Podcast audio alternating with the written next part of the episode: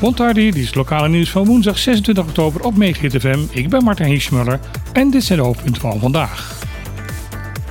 Afgelopen maandag hebben we al bericht dat ouders en verzorgers van kinderen met een intensieve zorgbehoefte een eenmalige uitkering kunnen krijgen van 1437 dollar. Al eerder is door minister Carole Schouten toegezegd dat deze groep ouders in aanmerking zullen komen voor een dubbele kinderbijslag, net zoals dat in Europees Nederland geregeld is. Het blijkt echter lastig om dat wettelijk te regelen, waardoor deze regeling pas op zo vroeg op 1 januari 2024 zal kunnen ingaan. Om de betrokken ouders en verzorgers toch tegemoet te kunnen komen, heeft de minister besloten om deze groep een eenmalige uitkering toe te kennen. Deze toezegging kwam pas na sterke druk hierover vanuit de Tweede Kamer. Na de aankondiging van de regeling ontstond er enige verbazing in Caribisch Nederland, omdat de eenmalige uitkering een bruto bedrag blijkt te zijn waarover belasting betaald moet gaan worden. Daarom heeft het ministerie vandaag extra uitleg gegeven. Anders dan bij een reguliere uitkering, zoals de kinderbijslag, kan de eenmalige uitkering niet onbelast gegeven worden. Dit was bij al bij het ministerie bekend. De bedoeling was een eenmalige uitkering te verstrekken van 1000 dollar per zorgkind. Daarom is het bedrag dat nu wordt uitgekeerd gesteld op 3437 dollar.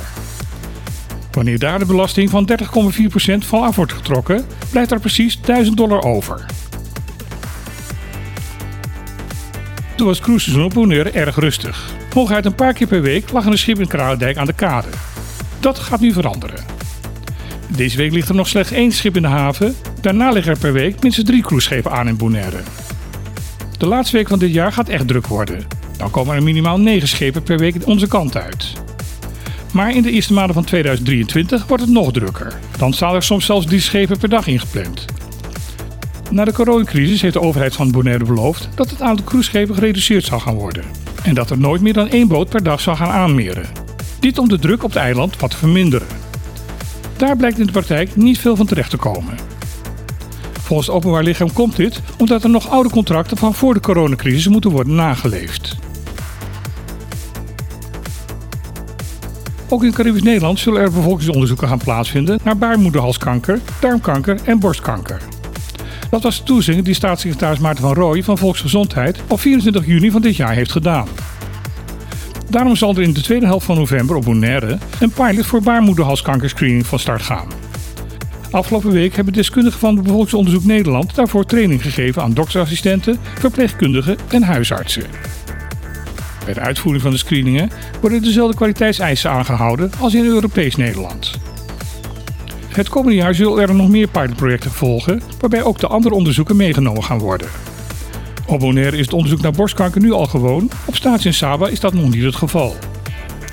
Vanaf 2024 moeten alle drie de soorten bevolkingsonderzoeken volledig ingebed zijn in de gezondheidszorg van Caribisch Nederland.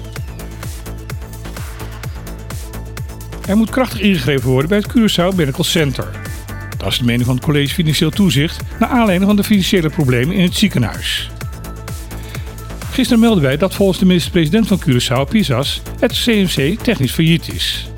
Toch weigert hij om het ziekenhuis echt bankroet te laten gaan. Vandaag overlegt de regering van Curaçao over een voor eens en voor altijd oplossing.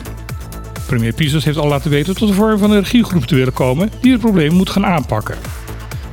Het CFT heeft zo daar haar eigen gedachten over.